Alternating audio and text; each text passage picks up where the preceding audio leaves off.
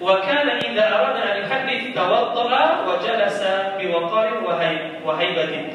Imam Malik diriwayatkan kalau beliau ingin mengajarkan hadis bermajelis ilmu karena ilmu pada waktu itu ikhwan adalah hadis ya. Ilmu pada waktu itu di zaman tersebut adalah hadis menyampaikan hadis Rasul ya. Qala haddatsani fulan qala haddatsani fulan qala sami'tu Rasulullah sallallahu alaihi wasallam itu yang disampaikan oleh mereka. Nah Al Malik kalau beliau ingin menyampaikan hadis kepada murid-murid beliau maka beliau siap-siap dulu di antara hal yang hal yang beliau lakukan adalah beliau biasanya berwudu ya berwudhu terlebih dahulu karena apa? Karena akan menyebarkan ilmu. Ya, ini hal yang besar, maka beliau jaga kesucian diri beliau. Wajah sabi waqar wa dan beliau pun duduk dengan cara yang beradab, menjaga wibawa beliau. Ya, ini beliau sebagai guru. Ada pun murid pun seperti itu. Ya, murid-murid pun seperti itu sebagaimana yang diriwayatkan dari dari Imam uh, Abdurrahman bin Mahdi. Imam Abdurrahman bin bin Mahdi rahimahullah taala. Ya salah seorang ulama besar. Yang mana beliau ini dikatakan wa kana ibnu Mahdi la yutahaddath fi majlisihi wa la yubra fihi talabun wa la fihi ahadun Al-Imam Abdurrahman bin Mahdi biasanya di majlis beliau itu tidak ada orang yang ngomong tidak ada murid yang berani berbicara kalau beliau menyampaikan majlis beliau wala yubra fihi talab Ya dan tidak ada satu murid pun yang berani apa meruncing ya, meruncing pensilnya seperti itu. Tidak ada. Karena suaranya itu bisa mengganggu majelis tersebut. Wala yatabassam fihi ahad. Bahkan tidak ada yang senyum-senyum. Ya, kecuali kalau memang uh, di majelis misalnya para apa namanya sebagian ulama kadang-kadang ada sedikit tasliyah yang untuk menghibur jamaah, ada lucu sedikit maka tidak masalah. Tapi di majelis beliau ini karena beliau mungkin orang yang tidak termasuk orang-orang yang sering atau sedang seperti itu maka tidak ada yang tersenyum serius menuntut ilmu. Yang belajar dari beliau Imam Abdurrahman bin Mahdi. Begitu pula yang diriwayatkan dari Al-Imam Waqi' ya Al-Imam Waqi' bin Jarrah gurunya Imam Syafi'i ya gurunya Imam Syafi'i Imam Waqi' bin Al-Jarrah dikatakan wa kana Waqi' bin Jarrah fi majlisihi ka'annahu fi salat Dahulu majelisnya Wakil bin Jarrah biasanya muridnya itu ya diam seakan-akan mereka sedang sholat. Untuk bayangkan ya bagaimana khusyuknya mereka mendengarkan kajian guru mereka berada. Nah, jadi di antara adab tadi ada duduk dengan sopan kemudian mendengarkan perkataan syekh sambil melihat mengarahkan diri kepadanya. Kemudian kata beliau kita lanjutkan, "Fala yantafid anhu min ghairi daruratin." Dan tidak menoleh-noleh tengok-tengok ya tanpa ada darurat, tanpa ada kebutuhan di situ. Ya, kecuali ada hal darurat maka tidak masalah menoleh. Tapi kalau tidak ada maka masalahnya dia fokus ya dengan yang disampaikan oleh gurunya. Wala yaqtarib bidarjatin yasma'uha.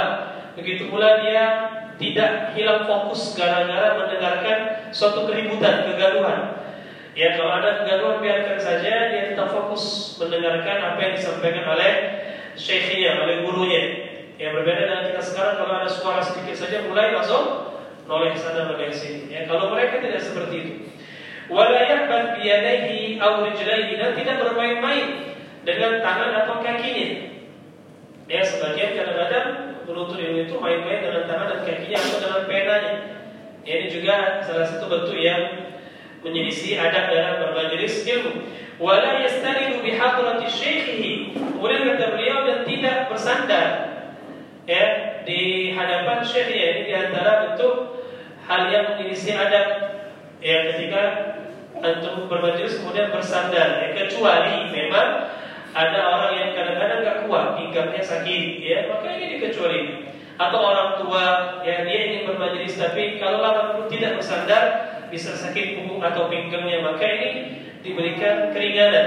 Ya, tapi kalau kita masih muda maka dihindari. Karena ini salah satu bentuk yang menyelisih adat. Wala yattaki ala yadihi dan tidak bertelekan dengan tangannya bertumpu dengan tangannya. Ini juga salah satu hal yang tidak baik.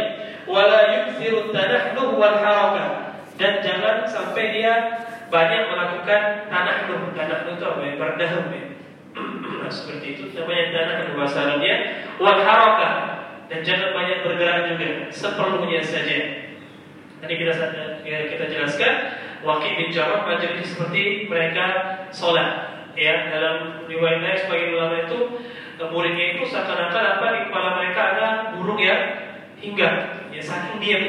Ada burung itu nggak akan hinggap kecuali di tempat yang diam, tenang. Ya kalau bergerak-gerak burung nggak akan bisa hinggap di situ. Wala yatakalam dan dia juga tidak berbicara dengan orang yang ada di samping dia, teman duduknya tidak.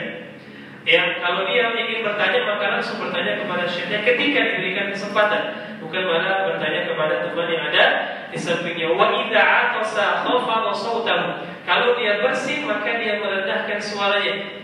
Ya wa idza tata'aba satara fahu ba'da rabbihi jahdahu. Dan kalau dia menguap maka dia menutup dengan tangannya kalau sudah berusaha ditutup mulutnya nggak bisa maka tutup dengan dengan tangannya ini di antara adab ketika bermajlis ya yang dijelaskan oleh Syekh Saleh Al-Utsaimin hafizahullah taala. Nah, jadi luar biasa ikhwan fillah wa ikhwan yang dirahmati Allah Subhanahu wa taala bagaimana adab-adab ilmu yang dijelaskan oleh para ulama.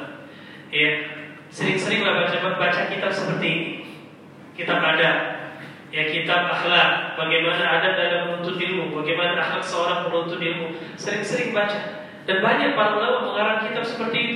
Ada kitab Ta'limul Muta'allim Zarruji, ada kitabnya apa Ibnu Jama'ah ya tentang masalah adab, ada kitabnya Al-Khatib Al-Baghdadi dalam kitab kata dalam masalah adab juga ya dan masih banyak lagi. Masih banyak kitab-kitab para ulama. Ya, ulama zaman sekarang banyak mengarang kitab adab. Di antara Syekh Bakar Abu Zaid, Ilya Talibul Ilm, Kitabul Ilm yang dikarang oleh Syekh Muhammad bin Salih Al-Utsaimin ya. Kemudian juga kitab Ma'alim fi Tariq Talabil Ilm yang dikarang oleh Syekh Abdul Aziz Sadhan dan termasuk kitab yang dikarang oleh Syekh Muhammad Salih Al-Utsaimin ini tentang masalah adab. Baca kitab-kitab adab. Kalau antum sering membaca kitab-kitab seperti ini, insya Allah antum akan menjadi seorang talibul ilm al-jannah, seorang penuntut ilmu yang sejati, yang lurus, yang benar. Ya, karena banyak di antara penuntut ilmu sekarang yang salah dalam menuntut ilmu, salah cara salah manhaj dalam menuntut ilmu. Maka ilmu yang dia hasilkan ilmu-ilmu yang kurang bermanfaat. Kalau kita tidak katakan tidak bermanfaat maka kurang bermanfaat. Yang tidak diberkahi ilmu kenapa? Karena qillatul adab dan tidak terjadi perselisihan di antara ahli sunnah karena kecuali karena mereka itu sedikit ilmu dan sedikit adab ya tapi kalau kita belajar adab belajar ilmu insya Allah perselisihan di antara ahli sunnah itu bisa diredam ya bisa diminimalisir nah Makanya sering-sering belajar kitab masalah adab. Nah, kemudian beliau lanjutkan wa yaqtu ila tawqiri majalis ilm ijlabu awdiyatihi allati yuhfadhu fiha. Dan juga termasuk dalam hal memuliakan majelis ilmu ditambahkan lagi itu adalah kita memuliakan tempat penyimpanan ilmu. Ya, yang di dalamnya ilmu itu dijaga. Wa imadu hal kutub yang paling utama itu adalah buku. Nah, Bahkan sebagai ulama ikhwan itu ada yang apa? Menulis dalam kitab ada mereka bab khusus tentang bagaimana talibul ilmi ma'a. Seorang penuntut ilmu dengan buku-bukunya bagaimana dia harus bermuamalah. Itu luar biasa. Ya, maka sebagian ulama kadang-kadang di antara mereka ada yang tidak mau meminjamkan buku mereka kepada temannya, bukan karena pelit. Kenapa? Karena kadang-kadang teman yang kita pinjami buku itu tidak bisa menjaga buku ya sehingga buku kita hilang kalau nggak hilang rusak ada yang teman-teman seperti itu banyak ya kita pinjamkan dia buku, maka buku kita gak dijaga Ketika buku kita hilang, dia cuma dengan mudahnya mengatakan afwan, akhi, ya. Subhanallah. Ya, sebagian orang yang kadang-kadang tidak bertanggung jawab, tidak bertakwa kepada Allah Subhanahu wa taala. Nah, jadi dijaga buku itu bagaimana kita berada terhadap buku kita. Ufallaitu bi talibil ilm sawm kitabihi wa hifdhuhu wa ijlaluhu maka sudah selayaknya bagi seorang penuntut ilmu kata beliau untuk menjaga buku-bukunya dan memuliakan buku-bukunya. Wali'tinamu bihi dan benar-benar memperhatikan bukunya. Kalau perlu antum bikin maktabah khusus perpustakaan pribadi. Bikin di kamar antum ada bukunya diatur ya. Kalau bisa memang diatur juga menurut apa disiplin dan disiplin ilmunya. Buku akidah di sini, buku hadis di sini, ya. Seorang penuntut ilmu itu harus seperti itu dijaga. Buku-bukunya. Kalau antum yang sudah bisa bahasa Arab, buku bahasa Arab disusun. Ya, ini buku bahasa Indonesia disusun luar biasa itu ada ya. Jadi benar-benar kita perhatikan buku kita. Kalau perlu dikasih tanda, kalau perlu di, di, dikasih apa namanya stempel ini buku punya kita, nggak masalah seperti itu. Kita jaga buku kita, ya kita muliakan sehingga kalau kita muliakan buku, insya Allah kita memuliakan ilmu yang terdapat di dalam buku tersebut. Kalau kita memuliakan ilmu, ilmu akan semakin mudah untuk kita pahami, untuk kita dapatkan. Fala yaj'alhu sunduqan yahshuhu biwada'ihi dan tidak boleh jangan sampai seorang penuntut ilmu itu menjadikan bukunya seperti kotak penyimpanan barang ya atau di, di, di, diletakkan di sembarang tempat berserakan. Juga jangan. Ya dicampur dengan barang-barang yang lain. Jangan ikhwan. Bikin rak khusus ya. Tempat khusus untuk letakkan buku untuk di situ. Ya, jangan dicampur dengan benda-benda yang lain. Misalnya saya kan sebagian orang menuntut ilmu kadang-kadang bukunya itu nggak diperhatikan, berserakan, kadang-kadang robek-robek bukunya, ya. Ketika dia mau terkena hujan nggak dilindungi bukunya ini salah. Harusnya untuk dilindungi. Kenapa? Karena buku itu sumber ilmu. Di dalam terdapat ilmu-ilmu, baik itu perkataan Allah, perkataan Rasul ataupun perkataan para ulama. Ya, wala yaj'aluhu buqan dan jangan pula dia jadikan apa seperti trompet, ya, seperti ini, ditiup-tiup. Ya, ini nggak boleh, contoh saja ya, jangan tiup. ya, untuk memperjelas. Dan tidak diperbolehkan seperti itu. Buku digulung-gulung, dijadikan uh, tiup nggak boleh. Wa idza wada'ahu wada'ahu bi lutfin fa wa Dan kalau antum letakkan buku antum letakkan dengan apa? Pelan-pelan. Ya, dengan lembut dan dengan penuh perhatian. Jangan asal lempar. Ya, gara-gara buku tipis lempar saja. Dia tidak tidak diperbolehkan. Ya. Dan beliau membawakan sebuah kejadian ini Al-Imam Ishaq bin Rahawai. Al-Imam Ishaq bin Rahawai seorang ulama. Ya, akan tapi kita lihat dia namanya ulama manusia biasa, kadang-kadang lupa dia. Ya, lupa untuk beradab terhadap hal-hal yang ada di sekitarnya. Al-Imam Ishaq bin eh, bin Rahawai pernah melakukan sebuah kesalahan yaitu buku yang ada di tangannya yaitu dilemparkan nah, meletakkan itu dilempar, tidak dengan benar. Ya. Nah, ketika beliau melakukan hal ini dilihat oleh Imam Ahmad bin Hambal. Ya, dilihat oleh Imam Ahmad bin Hambal karena mereka ini teman ya, teman akrab. Jadi zaman tersebut ada ulama-ulama yang berteman akrab seperti Imam Ahmad itu berteman baik dengan Imam Ishaq bin Rahawai, berteman baik dengan Imam Yahya bin Ma'in dan juga Imam Ali bin Madini dan para ulama yang lainnya mereka ini ulama hadis dulu ya dan ulama fikih ya. Cuma sebagian mereka ada yang menonjol ke hadisnya, ada yang menonjol ke fikihnya. Ya kalau yang Ahmad seimbang, ya beliau ahli hadis, beliau juga ahli fikih, meskipun memang eh, hadisnya lebih sedikit menonjol lah. Imam Ishaq pun seperti itu, beliau ulama hadis, ya, tapi fikihnya ada dalam dalam fikih beliau. Adapun Imam Yahya bin Ma'in itu tidak terlalu diperhitungkan dalam masalah fikih, cuma beliau itu ulama hadis, ya. Jarah dan ta'dilnya itu sangat diperhitungkan oleh para ulama dan ulama uh, hadis. Nah, nah ketika Imam Abu Abdullah Ahmad bin Hanbal melihat hal yang dilakukan oleh Imam Ishaq ini, beliau langsung marah. Faghadiba, marah. Lalu beliau mengatakan, "Ahakada yuf'alu kalamil abrar?" Apakah seperti ini yang engkau memperlakukan perkataan orang-orang yang saleh, para ulama. Karena buku itu isinya adalah perkataan ulama. Ya, ya terkadang dalam buku itu ada juga firman Allah, ada juga sabda Rasulullah, ada perkataan para ulama. Ya kenapa dilempar-lempar? Ya, kenapa dilempar seperti itu? Jadi Imam Ahmad agak sedikit marah dengan dengan temannya ini Imam Isabi Rahawai rahimahullah Allah a'lam. Kemudian mengatakan wala yattakilu 'alal kitab dan tidak diperbolehkan juga seorang penuntut ilmu itu apa? bertelekan atau bersandar di atas kitab yang bertumpu di kitab yang enggak boleh. Aw yaqahu inda qadami atau dia letakkan di kedua telapak kakinya, enggak boleh. Ya. Habis baca di kasur, selesai taruh di bawah kaki itu atau tidur.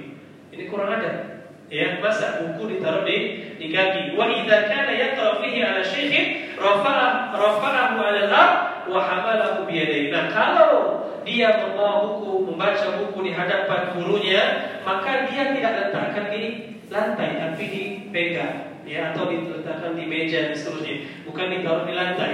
Ini di antara adab yang tidak baik di dalam uh, bermajelis ilmu. Wallahu a'lam Jadi ini adab-adab yang harus kita perhatikan ikhwan wal sekalian ketika kita bermajelis ilmu, begitu juga kita harus menjaga buku beradab dengan buku yang kita miliki ya. Nah, kita lanjutkan prinsip yang ke-17. Katakan al-aqil sabit prinsip yang ke-17 Al-Dabbu 'anil ilmi Wal-Dawlu 'an hiyadihi Yaitu menjaga ilmu dan atau membela ilmu dan menjaga kehormatannya.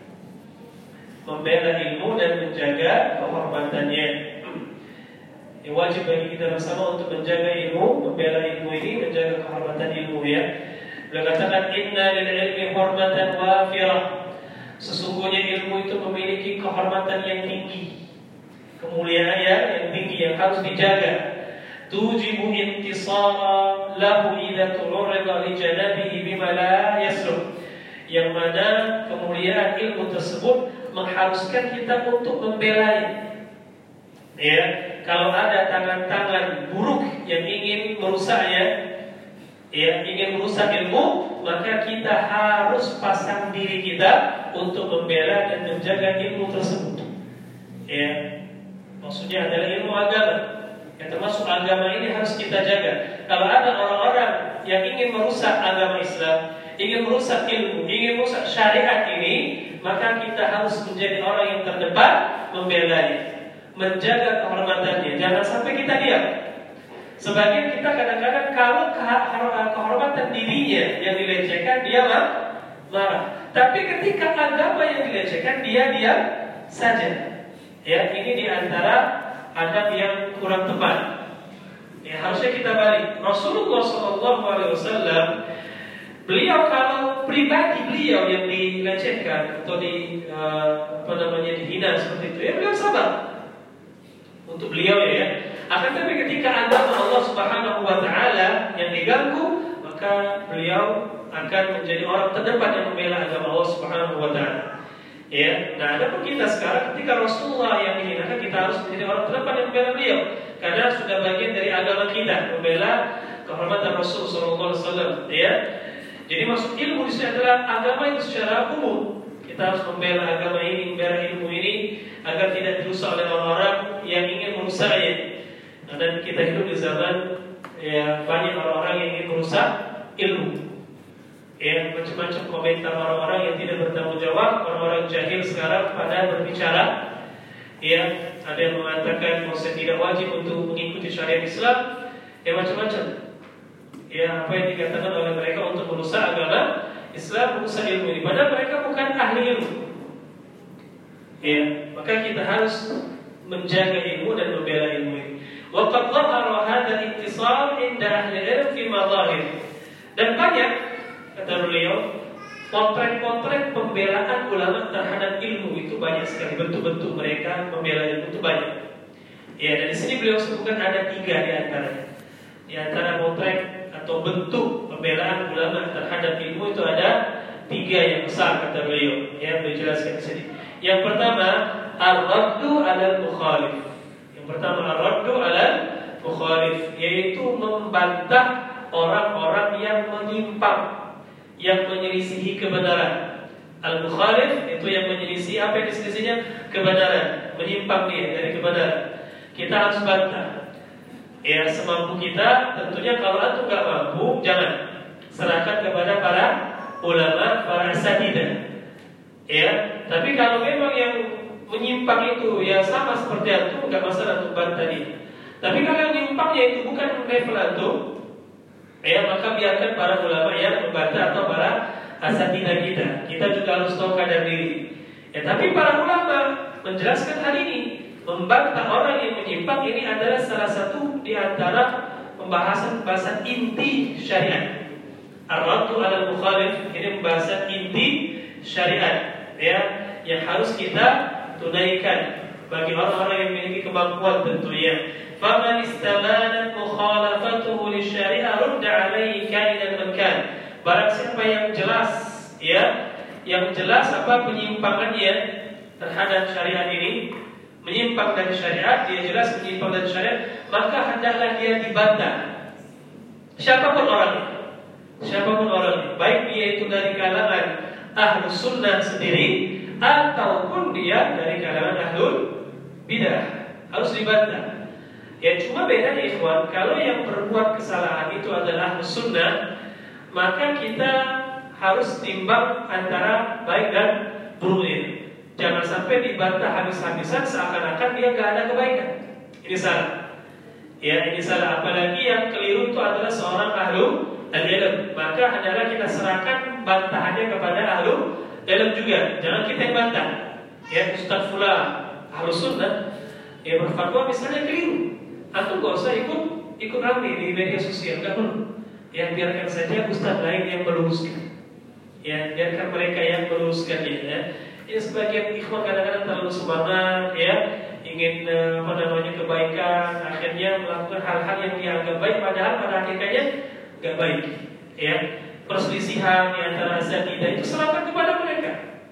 Jangan sampai antum ingin turun tangan ya sekarang ingin Ustaz turun tangan kayaknya Ustaz itu kayaknya nggak akur kayaknya ya itu tahu dari mana juga nggak akur ya cuma gara-gara jarang bertemu belum tentu nggak akur Ya satu jadi Prabu Muli, satu jadi Lubulingga, wajar nggak bertemu.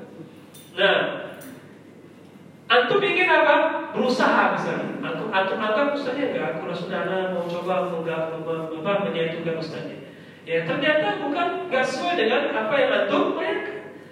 Ya sebagian kadang-kadang malah semakin memperkeruh suasana. Hati-hati, ya. Makanya kita tahu kadar diri yang kita tidak bisa melakukannya maka serahkan kepada para ulama, para asatidah kita tersebut. Wallahu a'lam. Nah, Syekh Sulaiman Ar-Ruhaili pernah ditanya tentang hal ini. Bagaimana Syekh tentang penuntut ilmu, penuntut ilmu yang baru ya. Mereka melihat sebagian masyayikh itu ada yang seakan-akan ber, berseberangan seperti itu. Mereka ingin mendamaikan. Kata Syekh Sulaiman Ar-Ruhaili apa? Gak usah. Ya, penuntut ilmu itu gak usah ikut campur urusan kibah. Bukan damai malah nanti tambah bentrok.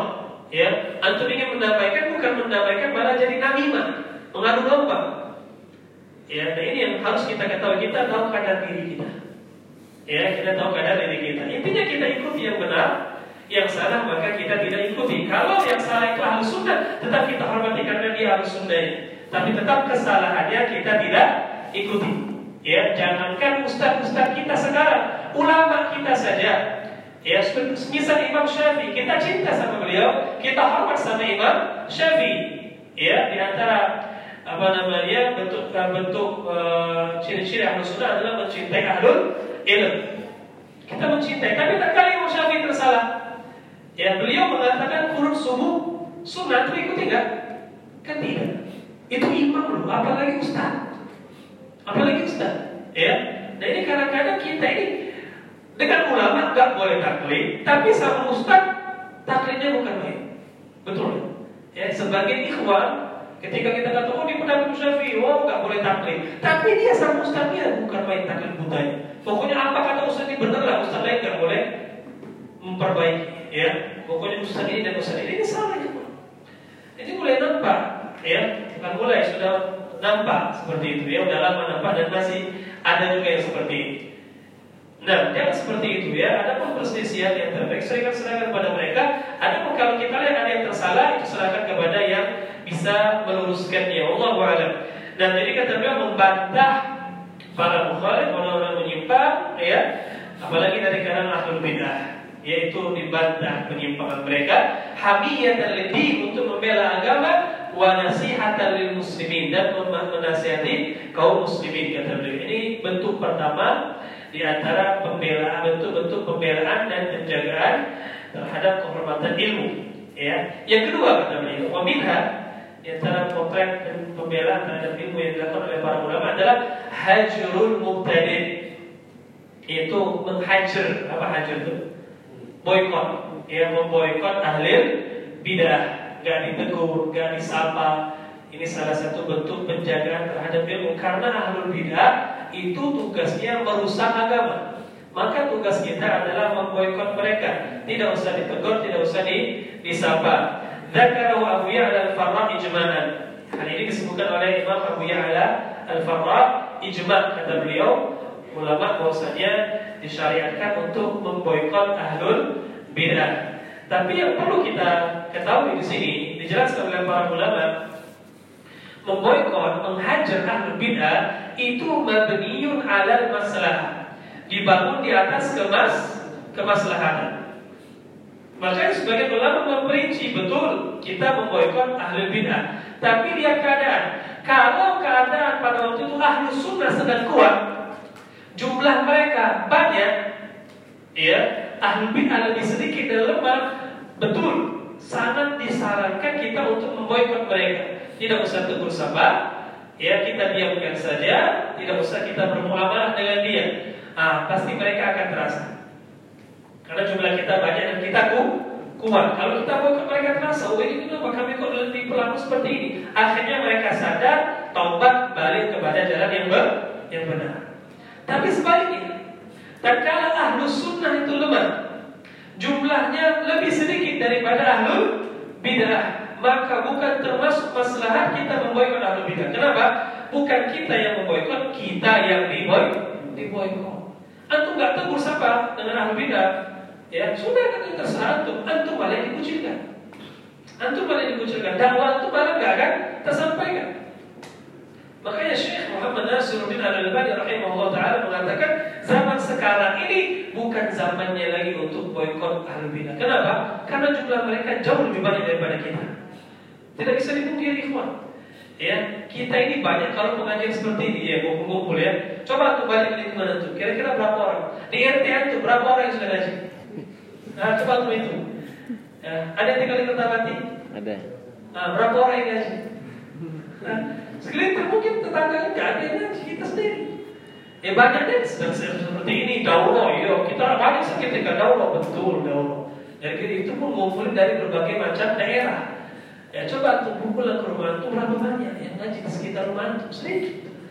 Ya kalau kita main boykot boykot saja nggak tegur nggak sapa makin dijauhi. Ya bukan berarti kita mudahana. Mudahana itu ya apa namanya uh, ya apa menggandeng agama untuk berbuat baik sama mereka tapi diundang wanita ikut, diundang tahlilan ikut, ini salah. Ya kita harusnya pakai usul mudarat. Mudarat itu adalah kita manis di hadapan mereka, tapi terkala berhubungan dengan agama ya kita nggak mau ikut hal-hal bid'ah mereka. Itu yang harus kita laksanakan. Ya.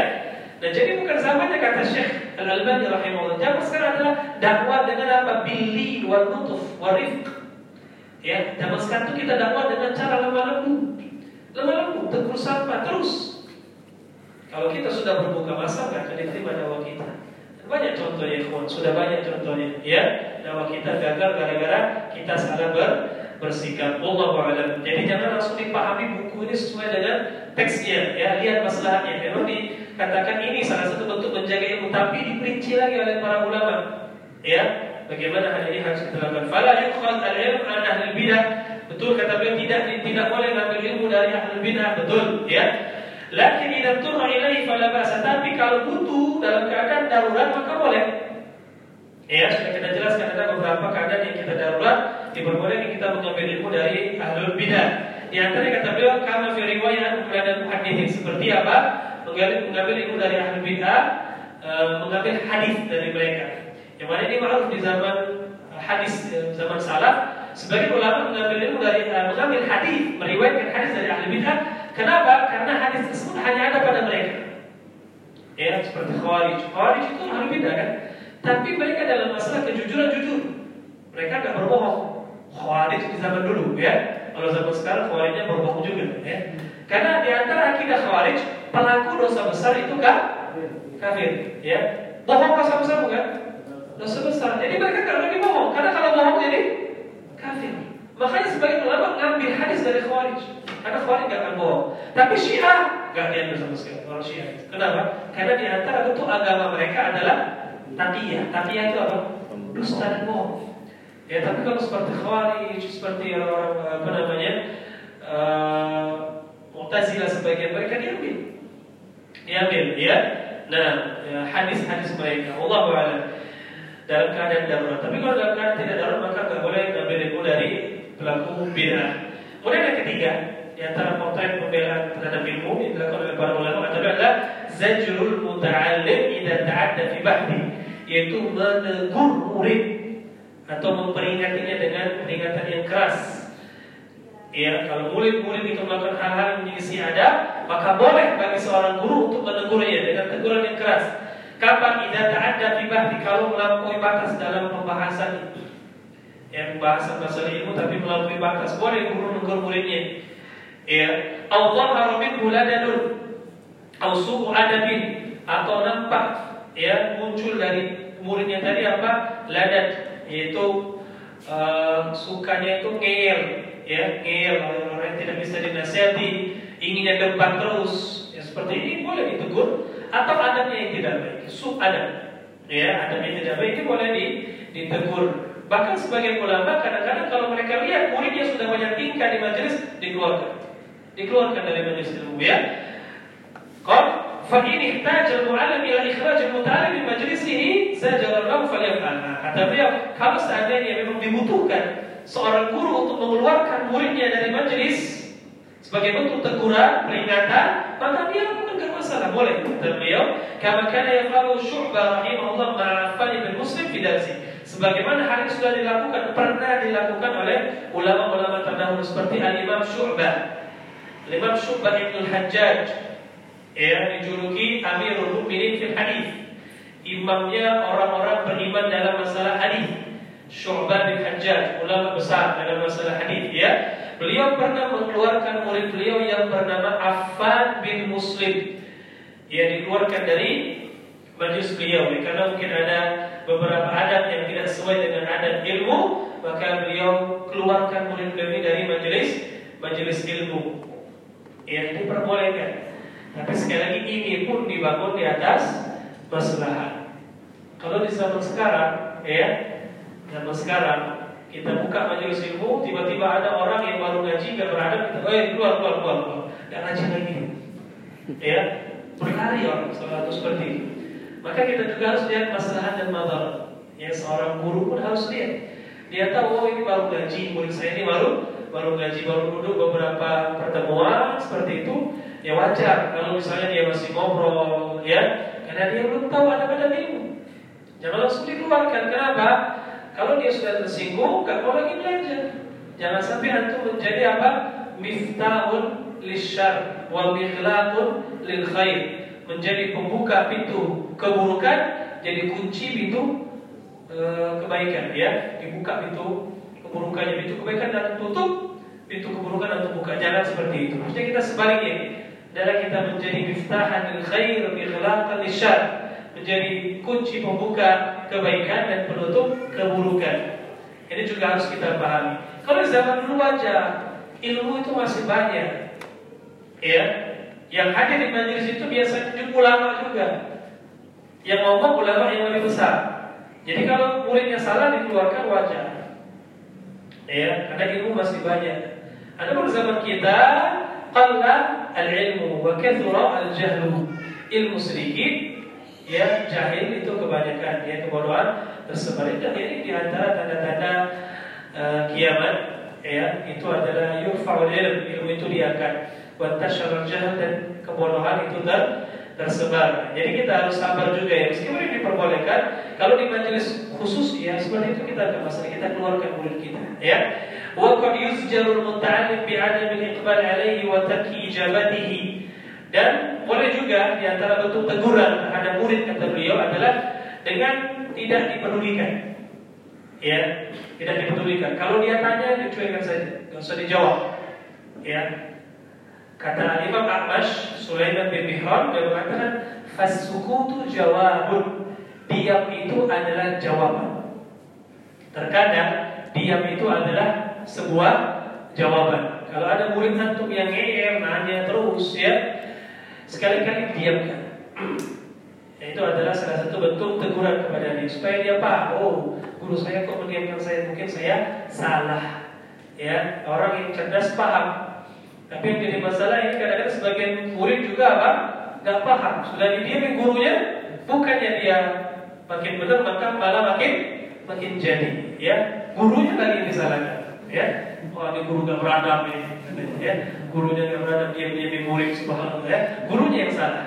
Karena kita hidup di zaman seperti ini maka harus bersabar Wara'ayna hadha kathiran min jama'atin min asyuyukh dan kata beliau saya kami dapat di hal ini banyak dilakukan oleh beberapa ulama di zaman ini ya guru-guru beliau para masyayikh minhumul allama Ibnu Baz di antaranya adalah Syekh bin Baz rahimahullah ya Syekh bin Baz ulama ma'ruf yang kita kenal bersama. Farubbama sa'alahu sa'ilun amma la yanfa'u fataraka syekh ijabatahu ya ya terkadang beliau ditanya oleh seorang penanya dengan pertanyaan yang enggak manfaat. Pertanyaannya enggak manfaat ya pertanyaan konyol mungkin maka beliau enggak jawab. Didiamkan saja oleh beliau wa amal wa amal al-qari'a an yuwasil qira'atuhu Ya bahkan beliau juga menyuruh uh, membaca untuk lanjutkan saja. Biarkan itu orang bertanya itu gak beradab, oke, okay, ya seterusnya disuruh qarinya untuk melanjutkan bacaan kita. Aw ajabahu bi khilafi qasdi atau beliau jawab tapi jawabannya enggak sesuai dengan yang ditanyakan. Ya, dan ini terjadi dilakukan oleh Syekh bin Baz rahimahullahu taala dan para ulama lainnya. Barakallahu fikum. Insyaallah kita lanjutkan setelah adzan isya. Silakan.